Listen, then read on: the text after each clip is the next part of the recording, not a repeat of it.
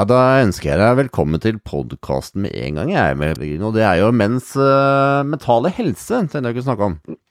For det, nå har jeg holdt på med dette siden 2016, og jeg tror det er første gangen faktisk som at det er uh, fokuset. Og det er jo litt sånn uh, Jeg må innrømme etter at du sendte mail til meg, hva skal vi snakke om? Det er litt sånn betenkelig at etter så lang tid så skal man som har, på en podkast som handler om mentale, så skal man ta tak i menns mentale helse. Jo, men der, der, ligger paradokset, vet du. Fordi menn snakker ikke om sin egen mentale helse. skjønner du. Det er det som er poenget. Og det er litt skremmende, for det er jo én ting vi er veldig gode til, Pellegrino, det høyte du. Det er jo én ting vi er bare utrolig bedre til enn kvinner, vet du hva det er? Ja. ta, ta livet av oss selv. God, I know. De, de, de, er veldig gode, veldig gode. Ja, vi er det. det jo, det er det. De, de, pleier å lykkes, skjønner du. Ja, det er det som er. Vi lykkes hver gang, nesten. Og det er det som er så skremmende. Altså. Hva, hva, hva grunnen? Først vi hopper ned i karen når det gjelder menn og de tinga der, så kan du ikke fortelle litt om deg selv? Peregrino? Årsaken til det er at vi bruker gjerne litt mer eh, kraftfulle, voldelige midler for å gjennomføre, og da pleier det å gå ganske bra, skjønner du. Men eh, hva, hva, hva er bakgrunnen for at jeg snakker med deg, Pellegrino? Hva er det som er grunnen til at du har engasjert deg litt når det gjelder menns uh, Altså, jeg, jeg, har ikke engasjert Jeg skrev en bok, en personlig fortelling, om en episode som skjedde i livet mitt, som fikk tankene mine til å gå skikkelig i sving. Um, skal jeg fortelle? Ja, gjerne. Fyr løs. Så boken jeg skrev, um, som jeg skrev på engelsk, 'Drowning Quietly', det var en uh, svømmebassengepisode i Italia. Uh, med, en, med, en, tre år gammel uh, jente, min datter. Der jeg går fra henne. Long story short, det var, det var ikke bare at jeg gikk fra henne. altså Det var en sånn klassiske at Jo, men jeg trodde du hadde Nei, men jeg, det var, var, det ikke du som passer på henne? Men det var mitt ansvar. Anyway. Boken begynner der. Um, og uh, hvis det hvis det er folk som har, lese, har, lyst til å lese den boken. Det er ganske forferdelig å lese. Men jeg kan avsløre allerede at det, det gikk bra, da. Men var, det var veldig nære på. Ja, Det var godt å høre. Fordi jeg ser på ansiktsuttrykket ditt allerede blir Shit, no ikke, Det er litt sånn er spoiler, da, fordi du må gjennom hele boken for å finne ut. Men det, boken handler ikke bare om det, da. fordi det, da går jeg i mine egne tanker. ikke sant? Hvordan kan en far, en mann, forlate en hjelpeløs menneske? da? Hva, hva så, hva, hvorfor gjorde jeg det? Um, og jeg gjorde det, da, for å gå på kjøkkenet og hjelpe min fru med å lage mat. Fordi vi hadde besøk, vi hadde noen venner der ved svømmebassenget, så jeg tenkte at de passer på henne, men det gjorde ikke det, skjønner du. Og da, da begynner historien, da. Sant? Så begynner historien fordi vi har tre barn. Eh, hvorav to av de er eh, prøverørsbarn. Det er et stort eh, problem for par som ikke får det til. Da vi gjorde det, da, som begynner å bli en stund siden, nesten 20 år siden, så var det én av sju som ikke fikk det til. Én av sju par. Nå har det blitt enda verre, så det er veldig mange som sliter med det problemet. Og vet du hva? Hvis det er én ting en mann skal føle at de er kapable til, det er å lage barn.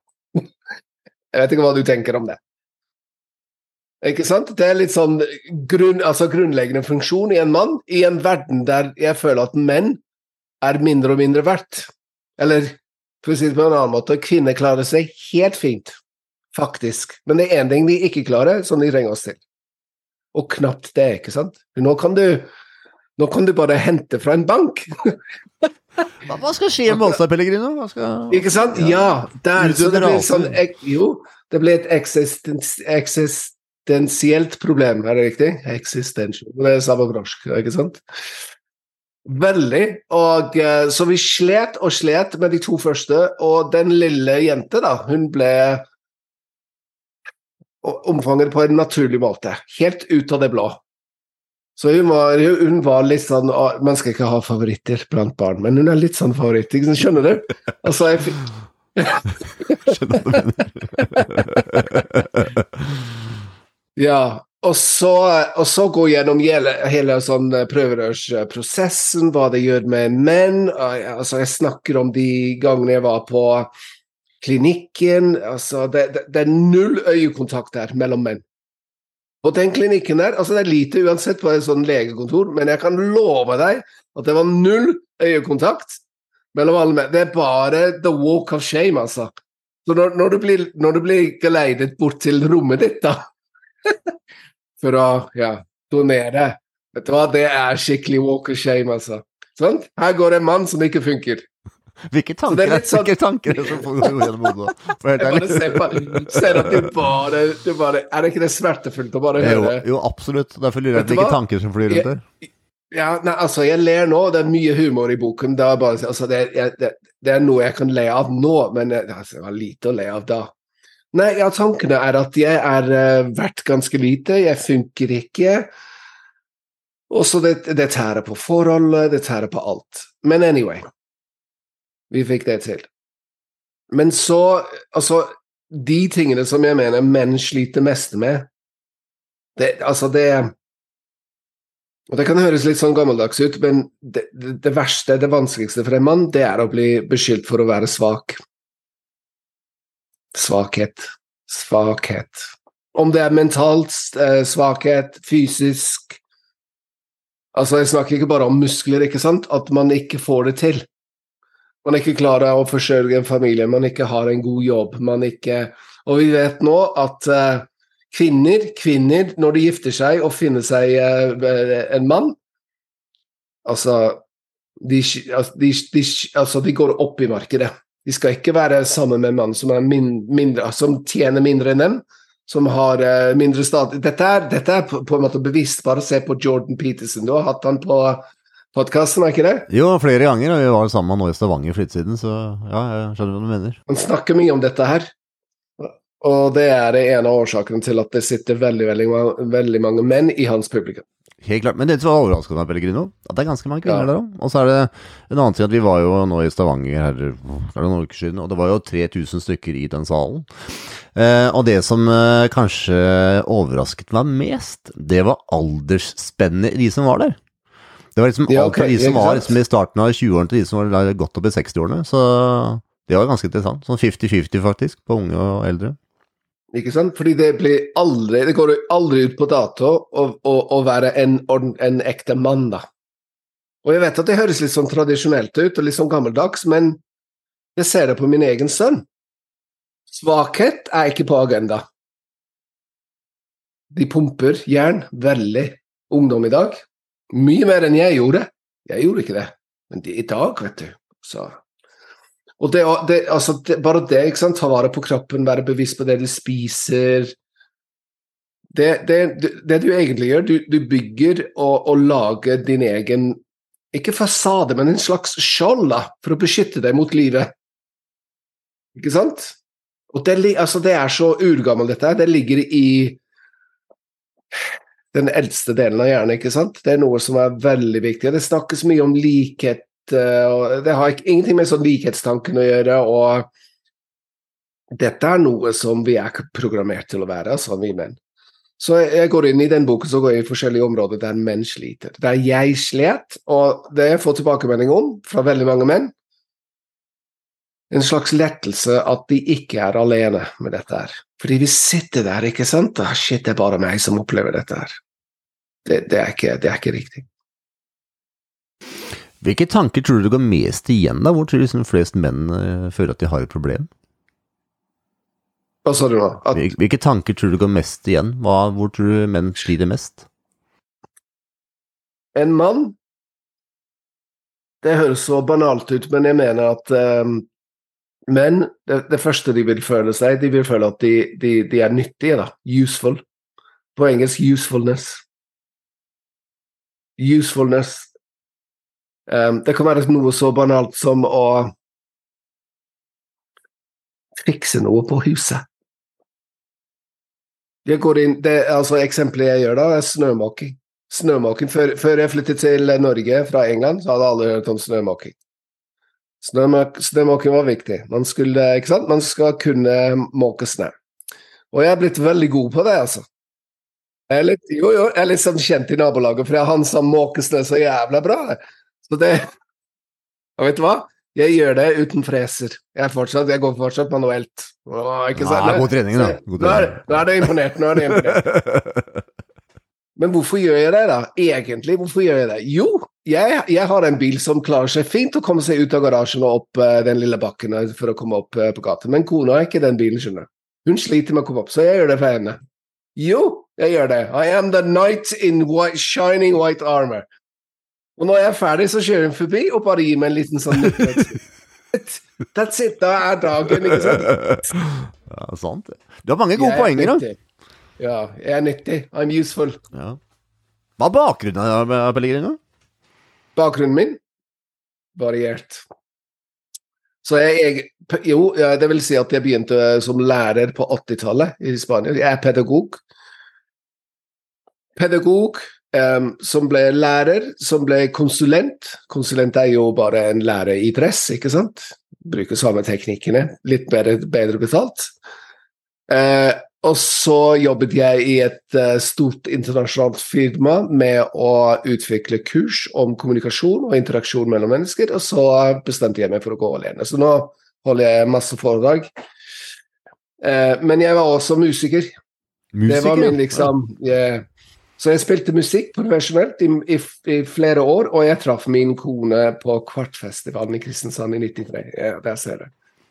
Sånn kan det skje. så, ja, ikke sant, sånn kan det skje. Helt. eh, For å si det sånn, eh, Norge var ikke på radaren engang, så plutselig Da jeg skulle fortelle min far at jeg hadde truffet ei jente fra Norge, Norway sånn, Min far, som er eh, innvandrer uten utdanning, eh, eh, opptatt, la oss si, ikke særlig opptatt av det akademiske i verden, så, så spurte han meg Norway, is that Russia? Ikke sånn. Det var ikke så langt fra Nei, var ikke det. Ofte så er det jo Is that, is that in Sweden? is that in Sweden, ja, det kunne vært verre. Så, så det var gjennom musikk at jeg traff eh, min fru, da, og bestemte meg for å flytte til Norge, og ja, liksom måtte begynne på nytt, da. Men det begynner å bli ganske lenge siden. Og da er jeg litt nysgjerrig på hvordan eh, ble den veien til at du fant at å holde foredrag? Ja, nei, det kan passe meg fint. Ja, det, ikke, det, det, det, var, var null eh, strategi bak dette. Altså, det å holde foredrag er det min måte å holde foredrag på. De skal lære noe. Sant? Jeg er jo en lærer. Det hele begynte med altså For 20 år siden så var, det, så var ikke uvanlig å ha sånn lange kurs, to, tre, fire dager på et, eh, en location ut på og så, og så ble det mindre tid. Sant? Kan du fikse det på to dager? Ja, ja, ok. Kan du gjøre det på én dag? Uh, ok, du, vi har bare en halv dag på agenda. Du, kan du fikse dette på en time? Så har du et valg. Enten så sier du ja, ikke sant, det går ikke an å gjøre det på en time, eller så sier du ja, men sånn er markedet nå. Jeg må prøve å lære ting på en veldig effektiv måte. Da ble det foredrag. Så det er bare, det, det, jeg betrakter den som veldig, veldig korte, lynraske kurs skal lære, de, de skal alltid gå fra salen med å ha lært noe, ikke bare blitt underholdt. Hva er det du ønsker å lære bort av det? Eh, enkle verktøy, hvordan skape gode arbeidsmiljø. Eh, hvordan, eh, Det er ikke enkelt, det. da, folk. Det er ikke enkelt. det, det det, det, nei, nei, nei, nei. Og jeg går ikke på scenen og sier på en time så skal jeg endre livet ditt. Men jeg kan, jeg, det jeg kan love, er at de blir Altså, jeg bruker veldig mye følelser. Det skal skje noe i sjelen til de. En liten endring, kanskje. Slik at de går fra salen med noe ettertanke. Vet du hva, det han sa, nå, kanskje jeg skal prøve det. Men um, jeg går ikke der og, og, og later som jeg skal endre hele arbeidsmiljøet på en time. Det går ikke an. Det er mye mer komplisert. Men fra hvilket perspektiv er det du på en måte går fra da? Hvis du får mennesker Alltid det mellommenneskelige. Mellommenneskelige. Hva skjer mellom mennesker? Så, så koronaperioden var fascinerende, ikke sant? Superfascinerende. Jeg fikk masse nytt innhold til foredragene mine. Selv om det var veldig vanskelig til å begynne med. Jeg ble jo veldig arbeidsledig veldig fort under pandemien. Det gjorde jeg. Um, men, men ikke sant, hva, hva skjedde med oss? Vi, vi måtte bruke teknologi for å kommunisere, samtidig som vi følte oss superensomme etter hvert. Selv de introverte syntes, syntes det var ganske tungt etter noen måneder. Det var veldig fint de første måneder, men så skjedde det noe med oss. Jeg personlig, etter å Altså, jeg ble arbeidsledig, og så gikk jeg over til digitalt. Jeg, ble, jeg en, bygget en studio, et studio her i huset, og, og det var best all time record year. ikke sant? Jeg bare fakturerte. Jeg kunne klemme inn tre-fire foredrag på en dag, og bare fakturerte, og pengene rulla inn. Men vet du hva? Etter seks måneder med det, så hadde jeg det ikke bra i det hele tatt. I det hele tatt. Og det var første gang i mitt liv at jeg fikk beskjed fra en lege at jeg måtte ta vitamin D-tilskudd. Sånn type der. Men den ensomheten, suken på interaksjon Så når, når jeg går på scenen og holder foredrag, så er jeg super Jeg var takknemlig fra før, men nå er jeg enda mer takknemlig for å kunne holde foredrag fysisk. Det er noe magisk. Ja, nå vil jeg bare vite litt om bakgrunnen i Pellegrino, for det er litt sånn interessant for, eh, for lytteren, det òg. Å kjøre deg litt tilbake på sporet rundt det der med menns eh, mentale helse. For det, du snakka noe om det der med Ja, selv de introverte syns det blir kjedelig etter hvert, men så har jeg en sånn tanke om at uh, er det veldig mange menn der ute som er mer single nå alene nå enn det var før, tror du? Um, jeg, jeg ikke tror, men man vet det jo. Eller de kommer i gang veldig mye senere. Eller um, Altså, det, man, man, skal være litt forsiktig. Jeg har tre barn nå som er på sånn 20 og 18 år gamle, og 12 år gamle. ikke sant? Og de, de, på 18 og 20 jeg ser hvordan de omgås andre. Omgås. Og det skjer så mye digitalt, så vet jeg at de går glipp av altså, to mennesker sammen i et rom. Det skjer noe kjemisk mellom de. Som du alle, Uansett hvor mange K du har i kamera, 8K, 16K, blir alle det samme. um, så det mellommenneskelige er det viktigste. Hva skjer når to mennesker snakker til hverandre face to face? Hvis du går um, Det er et, en, en, en, som jeg refererer til å vise film av i mine foredrag. Det var en som heter Edward Tronic. Edward Tronic han gjennomførte såkalte still face experiments. Jeg vet ikke om du har hørt om det. Han ber en mor å leke med sitt barn face to face, akkurat som en mor gjør, eller en far. Ja. Og så får mora beskjed om å ikke reagere til barnet, og se hva barnet gjør.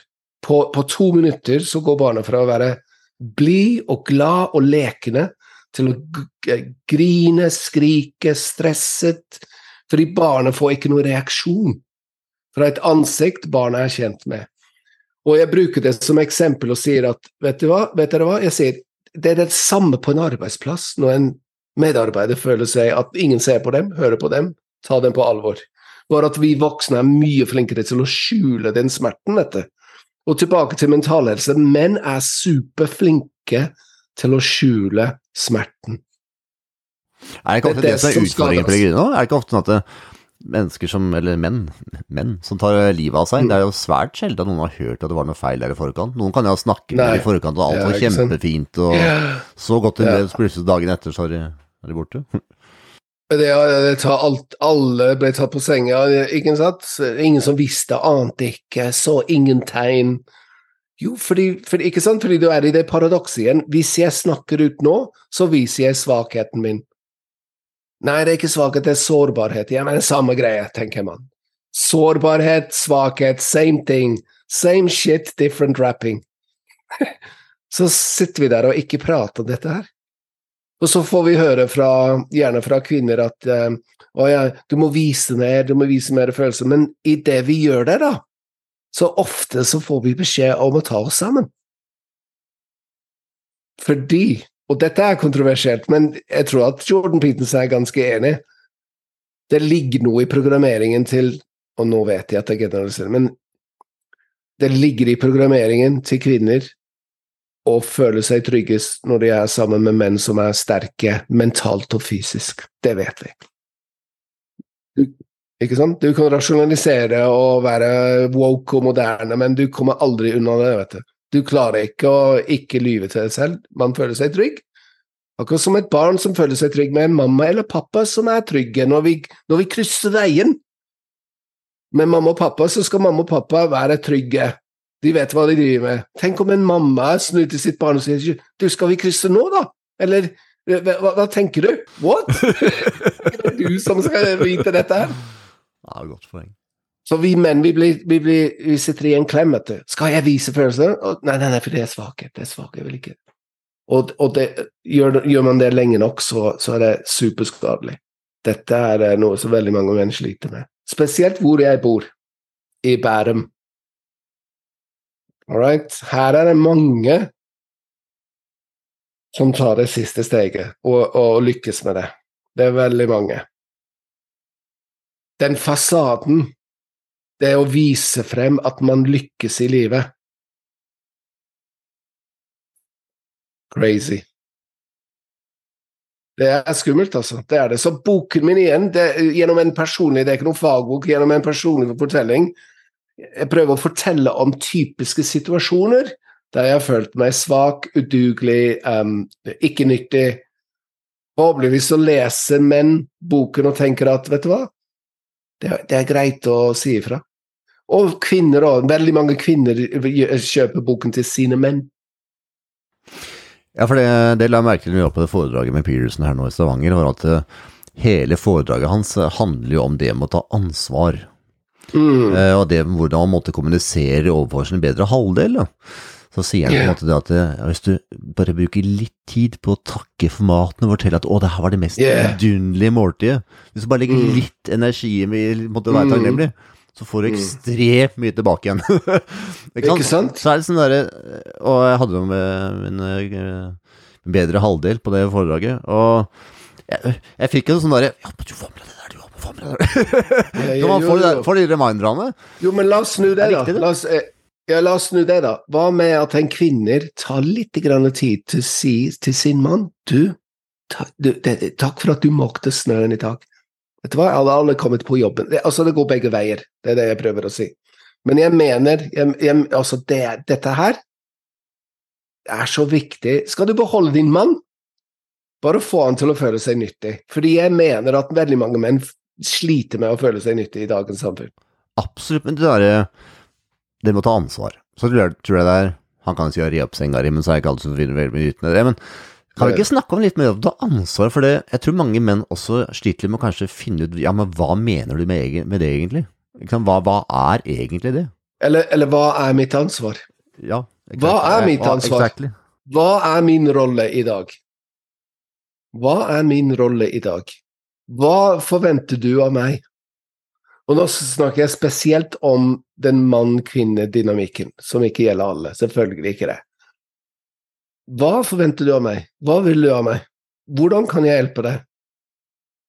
Og um, nå har jeg hatt tre barn, og hatt gleden, og jeg, jeg sier gleden, av å ha pappaperm, som er fantastisk. Altså, pappaperm er nesten uhørt i England, ikke sant, eller Italia, eller vi, vi får litt, men ikke så mye som her. Den kontakten man skaper med barnet. Samtidig som den, man, må, man må nesten kjede seg. Pappaperm er kjedelig. Det er veldig kjedelig også. La oss bare si det som det er.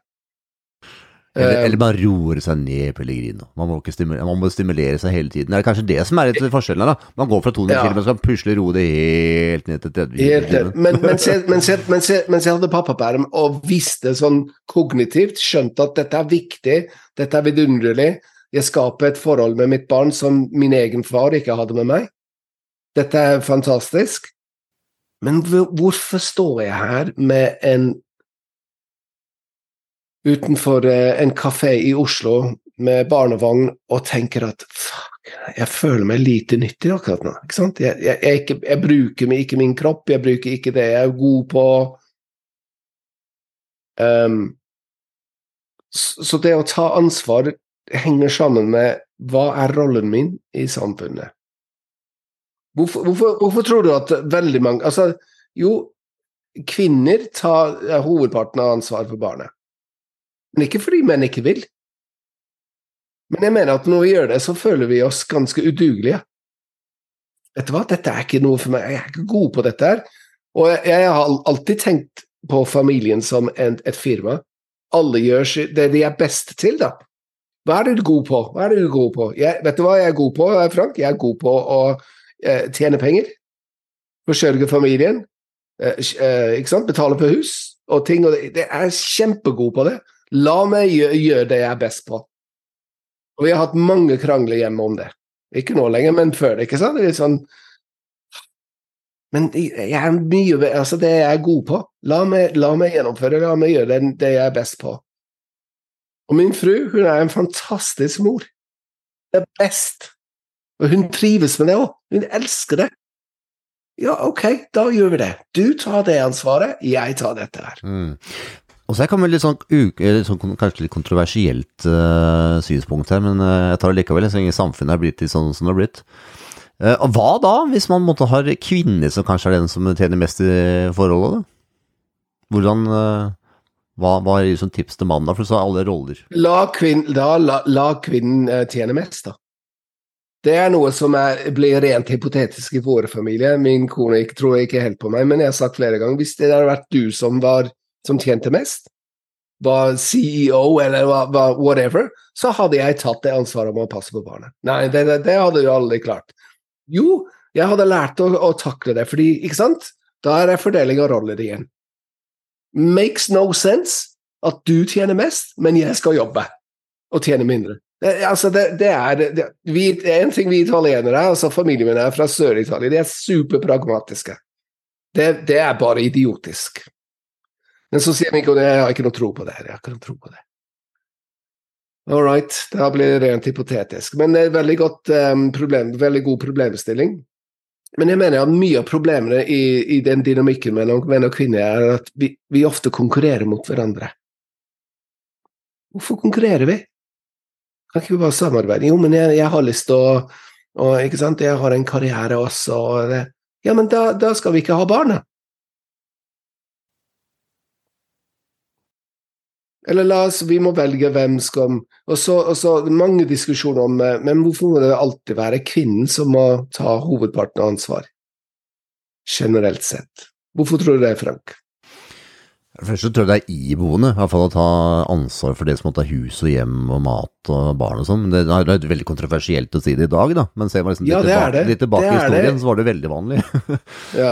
Og så var enda lenger tilbake i historien. Men ikke sant, der, i dag er det ikke lov å snakke om dette her. Og jeg kjenner på kroppen det de som lytter nå, tenker fucken, jeg trodde vi var ferdig med dette her for 50 år siden.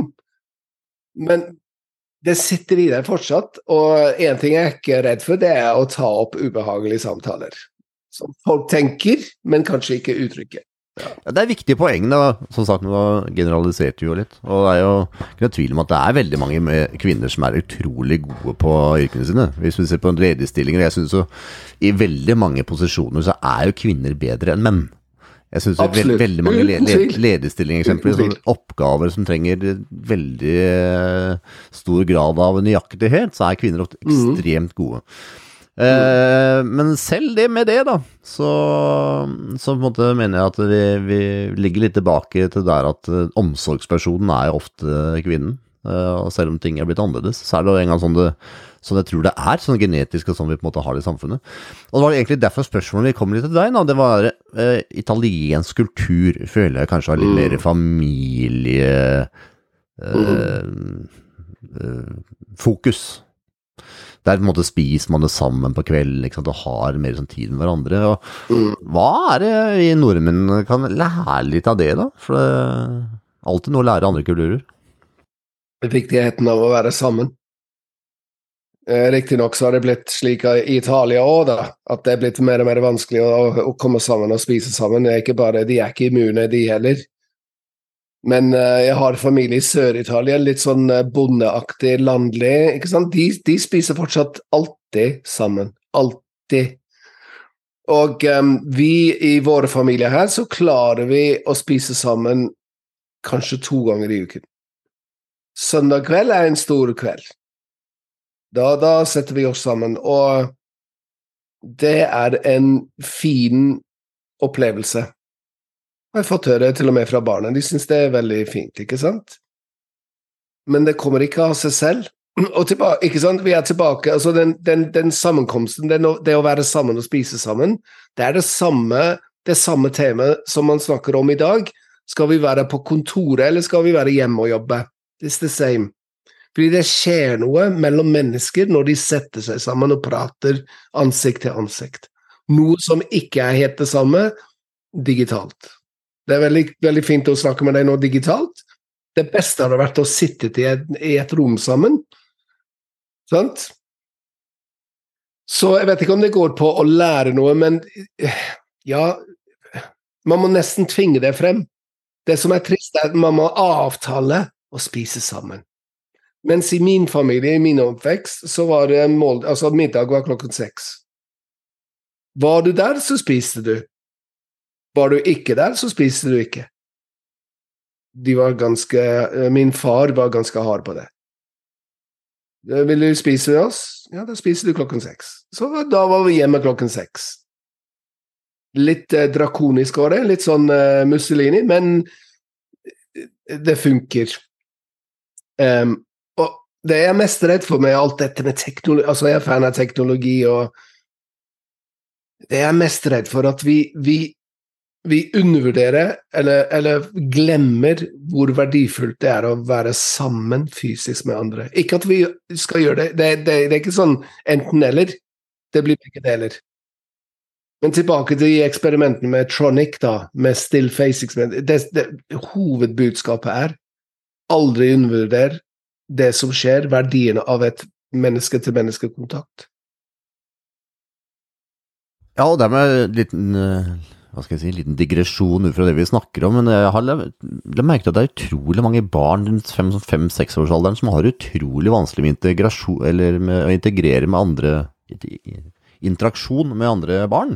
Oh. Eh, og jeg tror litt av årsaken det at når du blir fjernet tre år vekk fra andre mennesker, og andre har på seg munnbind, og du ser på en måte ikke ansiktsuttrykk Det må nødt til å ha noe med det å gjøre. Så jeg syns det er en utrolig stor andel som sliter med hvordan de skal oppføre seg med andre mennesker for tiden. Ikke bare det, men um, vi får stadig besøk av uh, venner til barna våre gjennom årene. Og um, en ting vi har lagt merke til Veldig mange av de barna er ikke gode på småprat. De hilser, hilser nesten ikke. Mine, bar, mi, mine, barn er gode på det.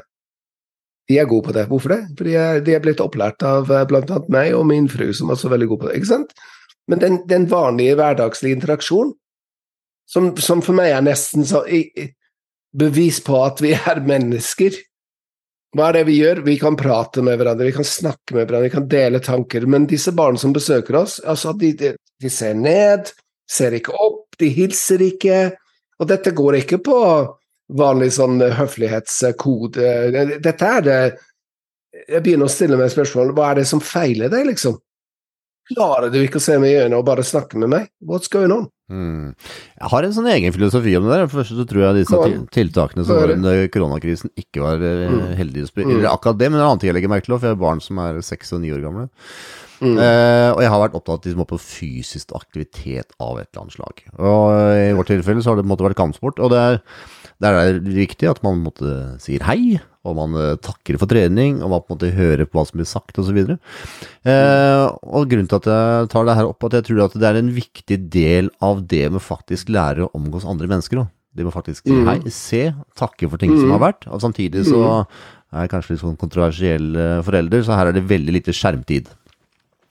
Mm. Jeg tenker at du tegner med penn og papir, og du leker med Lego, og du måtte er ute i skogen og du måtte bruke kroppen din, er viktigere enn å sitte mm. foran en skjerm. Mm. Eh, og jeg tror at når du har veldig lite skjerm, så er det sånn at du har ikke lyst på skjermbruk etter hvert heller, for du er vant til ikke å ha det. Og jeg ser at interaksjonen på de er nok litt annerledes. For ja. de er ikke inni en skjerm og kikker, det er ikke der virkeligheten deres er. Den er her. ja, ja, så jeg tror mye av skjermbruken er, fjerner mye av den der interaksjonen på andre barn. Altså. Selv om de, det er det de fokuserer på på barnehage. Barnehage altså det er veldig mye aktivitet. Kroppsaktivitet og begrenset skjærbruk, da. Um, men, men altså, Mange bruker det hjemme likevel, da. Det er det som liksom skremmer meg litt, at mange bruker det som barnepasser. og jeg kan, jeg kan ja, og det, og det, det har vi også gjort. Det har vi også gjort. Mm. Alle har gjort det, ikke mm. sant? Alle, ikke alle, sånn, alle skjønner det. Jeg skal ikke stå her og si at jeg ikke har gjort det, selvfølgelig har jeg det. Men um, vi så veldig mye på skjermer, det er bare den skjermen het TV. Men vi var, klist, vi var klistret foran TV-en da vi var barn. Det gjorde jeg. Jeg så på mye TV. Men når man bare hadde én TV i huset som gjorde det sammen Når TV-en gikk lineært, så så man så ting sammen. Vi opplevde samme program samtidig. Det er det samme effekten som å spise rundt bordet. Mens nå så har vi fem-seks skjermer i huset, iPads, telefon. Vi deler ingenting. Kanskje vi deler en liten uh, TikTok-morsom uh, film og sender videre. Videresende. Det, det er en stor forskjell, ikke sant? Så jeg er veldig redd for at vi mister evnen til å være sammen fysisk, som er verdifullt for mental helse. Og det som skjedde med, med korona, altså ensomheten steg Altså, jeg har en sønn som gikk glipp av hele videregående. Hele videregående. Vet du hva, det er det mest gøyest av Mellom 16 og 19 da skal man, man, være ute og utforske, gjøre småfarlige ting, ta risiko. Eh, jeg vet ikke, jeg havner i trøbbel med politiet til og med, ikke sant? Det er det, det, det gjelder. Jo, det gjør det, altså. Eh, eh, eh mens de var hjemme. Hjemme. Og det, jeg vet at sønnen min har gått glipp av noe av det viktigste. Jeg syns det er kjempetrist. Altså. Mm.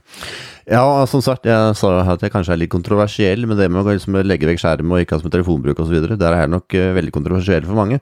Men samtidig så tenker jeg at uh, hvis du føler at det er riktig at barna ikke skal sitte og se på skjerm hele tiden, eller ha telefon for saks skyld, hvis det er barn, hvis de er små, mm. Uh, så er det faktisk lov å være litt kontroversiell òg. Det er litt sånn som der vi snakka om i stad med menn og det med den psykiske helsen òg. Det, det, er lov å faktisk gå litt mot strømmen òg. Man må ja, det... ikke alltid følge saueflokken. Man kan gjøre noe på egne valg òg. Um, man kan det. Vanskelig. Spesielt når uh, hele livet organiseres gjennom uh, sosiale medier. Altså, Du kommer ingen vei på skole uten Facebook-side hjemme, hjemme, ikke sant? Facebook-side til skolen, du kommer ingen vei. Men det er det jeg sier, teknologi skal brukes som et verktøy, ikke som erstatning.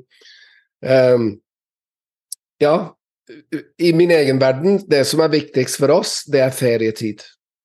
Det er slik at ferie er det siste vi har nå, der vi er sammen. Og det vi gjør, eh, vårferie har vært tradisjonelt å kjøre fra Bærum til Sør-Italia. Det er en familietradisjon som begynte med mine egne foreldre, da de kjørte fra England tilbake til eh, landsbyen i Italia. Så den har vi fortsatt med, og barna elsker det. Og det som man gjør der, da, man sitter i en bil sammen og kjeder seg. Og du kan ha så mange Netflix-filmer nestladet på mobilen din, men når du kjører nå må du kjøre 30 timer til Italia, ikke sant? så blir det ganske kjedelig. Og hva gjør man det? Jo, man begynner å stirre ut av vinduet. Man begynner å prate. Snakker i bilen. Hvor mange er det som gjør det nå? Hvor mange barn eller foreldre stirrer ut av et vindu? Mm. Vi skal ikke kjede oss lenger, vet du, Pellegrino. Det er kanskje sånn greie som jeg syns er litt sånn uting. Det er ja, det er, det er ikke lov å være Ja, det er ikke lov å kjede seg lenger. Er det mulig, det? Det er viktig, det.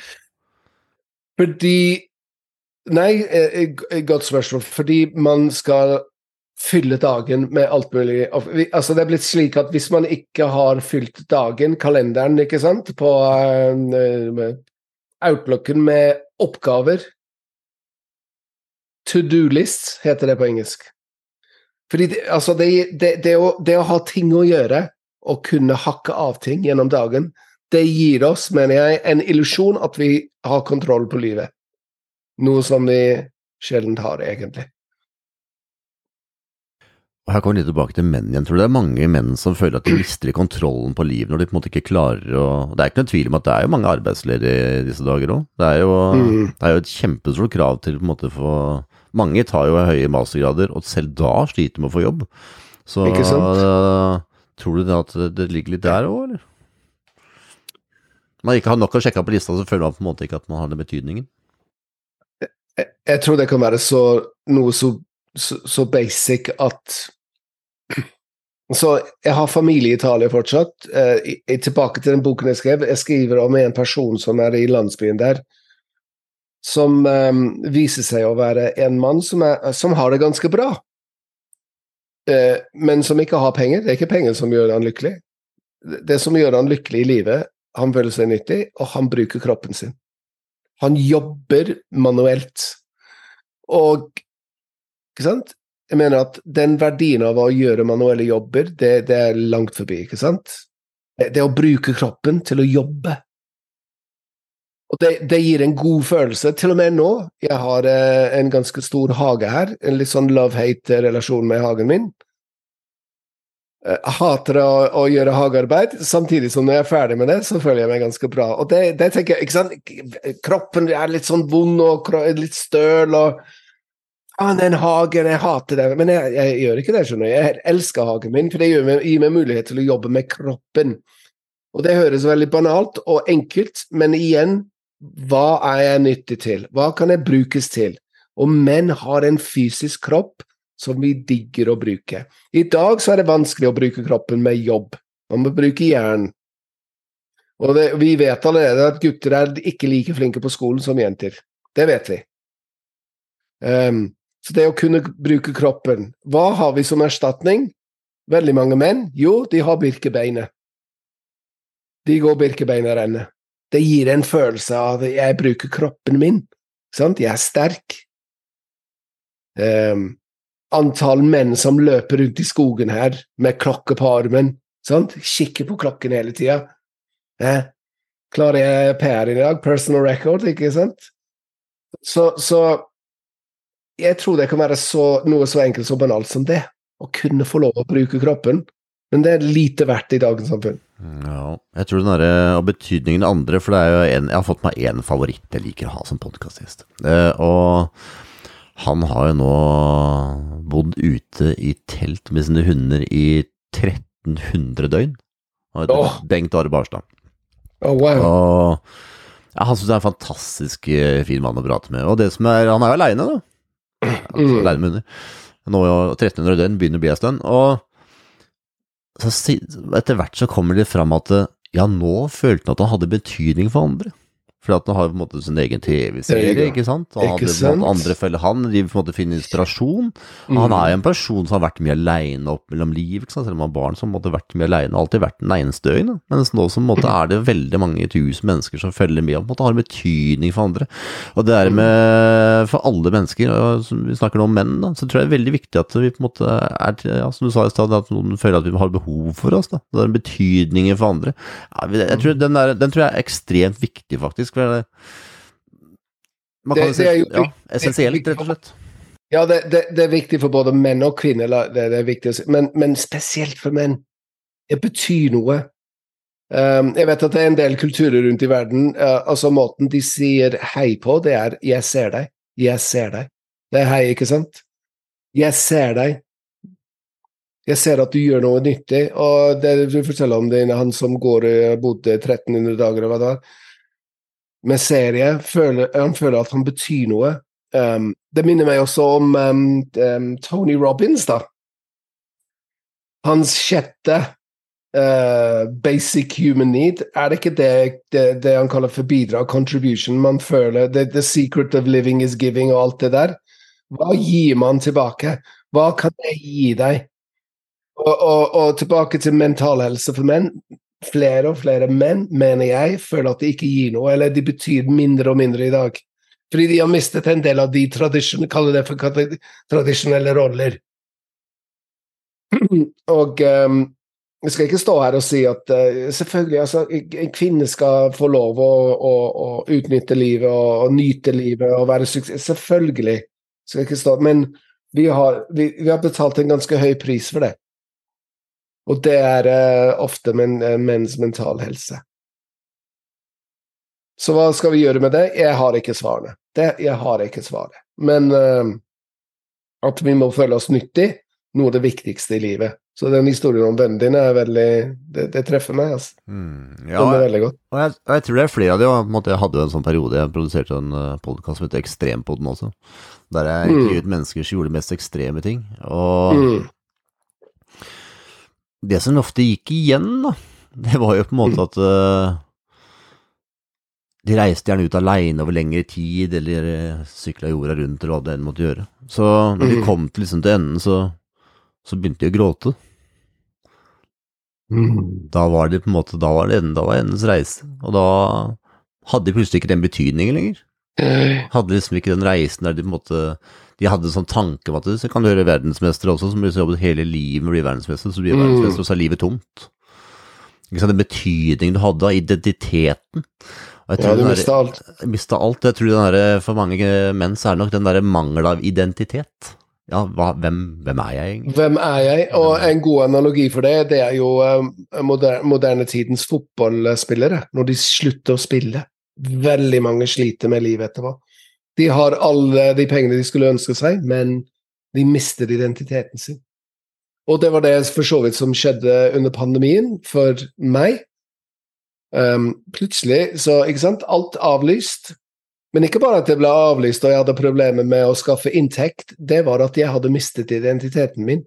Jeg, var, jeg betydde ingenting for samfunnet der og da. Var du sykepleier eller lege? Superviktig, of course.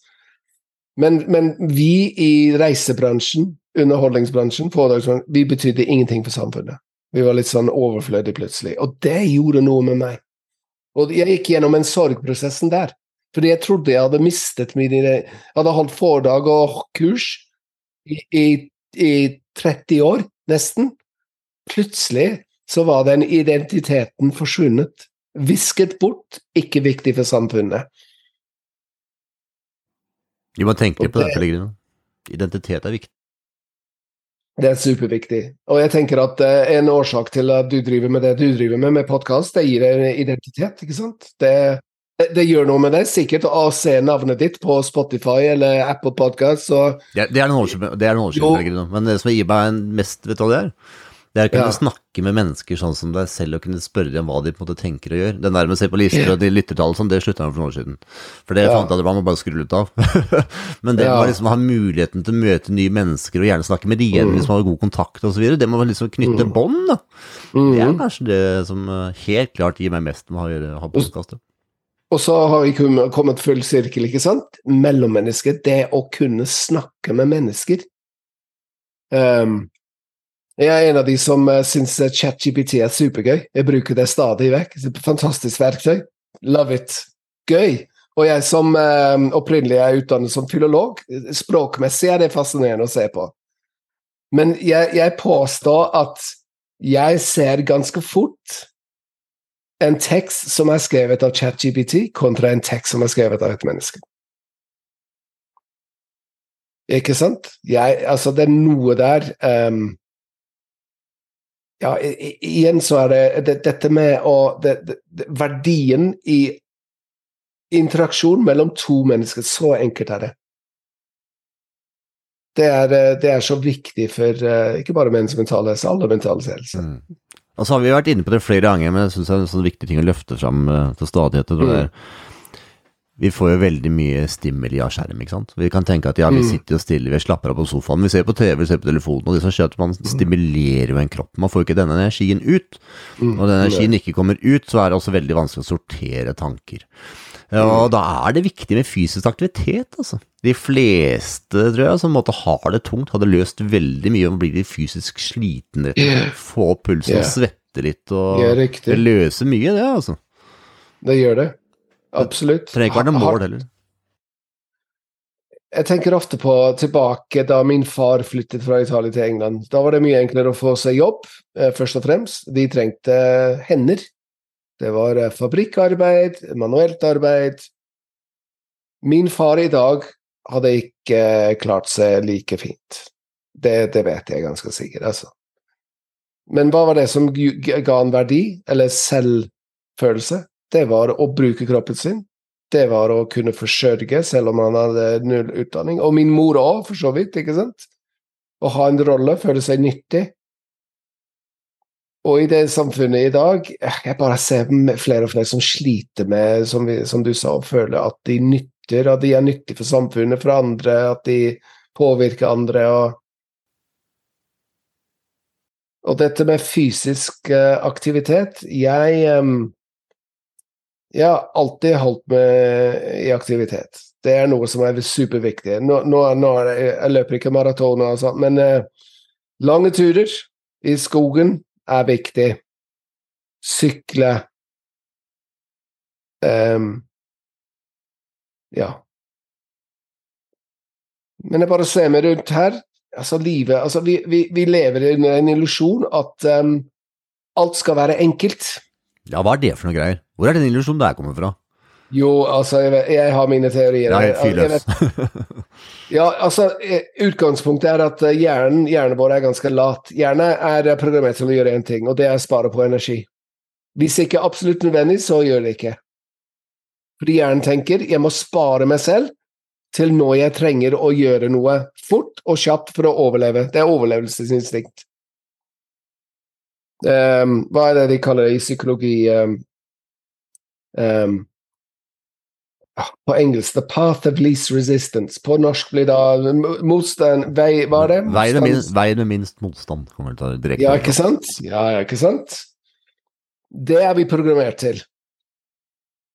Så eh, Jeg vet at du eh, Jeg, hørte en podkast med deg der det ble snakk om eh, hvordan du åpner telefonen din. Du er litt sånn gammeldags, ikke det? Men Ja. jeg bruker Face, face ID. jeg, er gammel, gammel, dinosaur, jeg, Pellegrino. Ja, ikke sant? Jeg har gjort litt eh, research òg, skjønner du. Men jeg, jeg bruker Face ID. Altså, det er det lateste for å åpne noe. Det det lateste som, som fins, å holde telefonen opp til ansiktet, bang, inn. Så vi er bygd for å spare og finne på snarveier og, og, og spare på tid og energi. Der, finnes, der er forklaringen. Det er sånn vi har blitt. Um, jeg tror ikke da vi var, Hvis vi drar tilbake 200 000 år i tiden, jeg tror ikke vi løp rundt og, og, og beveget oss så veldig mye. Altså, vi gjorde det når det var nødvendig, eller så satt vi ned og skravla med de rundt oss. Jeg tror det var, det var ganske mye sånn uh, hanging around. Ja, samtidig så legger jeg merke det på barna mine, også at de er seks og ni, eller jeg merker at det, Mm. ah, 'Pappa, det er så vanskelig, jeg får det ikke til, det tar så lang tid', ikke sant. Bare, Mm. Ja, hvor er det du har fått det for at ting skal være så enkelt, da? ikke, sant? Hvor, Ja. ikke sant? Hvor er det der for at ting skal gå så fort? Det er litt med tankesettet òg, da. Jo, og, og så en ting jeg har vært veldig opptatt med mine egne barn. De, de må lære å slite seg gjennom ting. Fordi Ikke fordi jeg, er, jeg vil at de skal lide, men fordi jeg prøver å forklare at ting er så mye verdt, mer, mer verdt og verdifulle når du har måttet jobbe for det. Det, det kommer vi ikke unna. Det er sånn, hva kaller de det? Er det ikke det de Ikea-effekt de kaller det? Altså Ikea, altså, altså det som er genialt med Ikea, var at sant? Du kjøpte eh, møbler, vi kjøper møbler som er billigere enn andre steder. De ser ganske fine ut, men det som er genialt, du bygger det selv. Og når du har bygget noe, sliter det gjennom en, eh, en eh, instruksbok om å bygge en garderobe som kan være ganske Apropos mental helse, psykisk helse. Men når du er ferdig med den garderoben, så har du en sånn Åh, jeg fikk det til! Og det er det som er gir verdi i, i Ikea-møbler. Mm. Så kjære lytter, hvis du føler deg nedstemt, ta en tur på Ikea. Og så bygg noen møbler. Dra til Ikea, kjøp deg en liten pult og bare bygg den. Du må gjerne selge det på Finn etterpå, men bare bygg den. Det gir superverdi. Ja. Og så er vi tilbake til dette med å føle at man, nyttig, man er nyttig, ikke sant? Jeg, jeg fikser noe. Uh, ja, så For mine egne barn så må de, de alle må jobbe, de må tjene de sine egne penger. De må slite seg gjennom livet, de må, fordi det gir verdi. vet du. Når du oppnår ting, så gir det verdi. Eh, og det, det, det er utallige mange altså psykologiske eksperimenter rundt dette her. Verdien av å, um, av å, av å gjøre ting selv. At det skal ta tid. Du skal ikke bare swipe venstre eller høyre. Det skal ikke være sånn. Sjekk om er damer skal ta litt tid, det, Pellegrino. vet du. Det skal få tid. Du må, du må, altså, du må spa, det, noe så gammeldags som å spare penger, da. Hvor mange kjenner du som er flinke til å spare penger? Er skal, vi skal liksom være i nuet. Vi skal være i nuet hele tida. Mm. Nei, vi har vært innom mange, veldig mange gode poenger her, Pellegrino. Jeg tror vi egentlig kunne Mm. sitte her og snakka et par timer til ja, om temaet her, for å være helt ærlig. For det er et uh, viktig tema som kan spinne i alle retninger, og som uh, Mm. trengs å prates om. Så jeg må takke så mye for at du tok deg tid. Det var uh, Det er jeg som skal takke for den eh, muligheten. ja, Gleden er min, Pellegrino. Så hvor finner man boka di? På Amazon. Uh, går inn på Amazon, og så, så kan man bestille en paperback, da. Til, fra, fordi det som er uh, det, Dette visste ikke jeg før. Men når man bestiller en bok fra Amazon, så finnes det ikke noe inventar eller lager. Så printes boken ut. Du, du kjøper, og så printes boken på en svær uh, Amazon-printer og sendes. Men eh, hvis du har lyst på en skikkelig signert hardback, så er det bare å finne meg på DM meg på LinkedIn, eller så kan vi ordne det òg. Kjempefint, Pellegrino. Da blir det dere som leser, og ønsker deg en fin dag videre. Tusen takk. Ja, ha det bra. Ha det.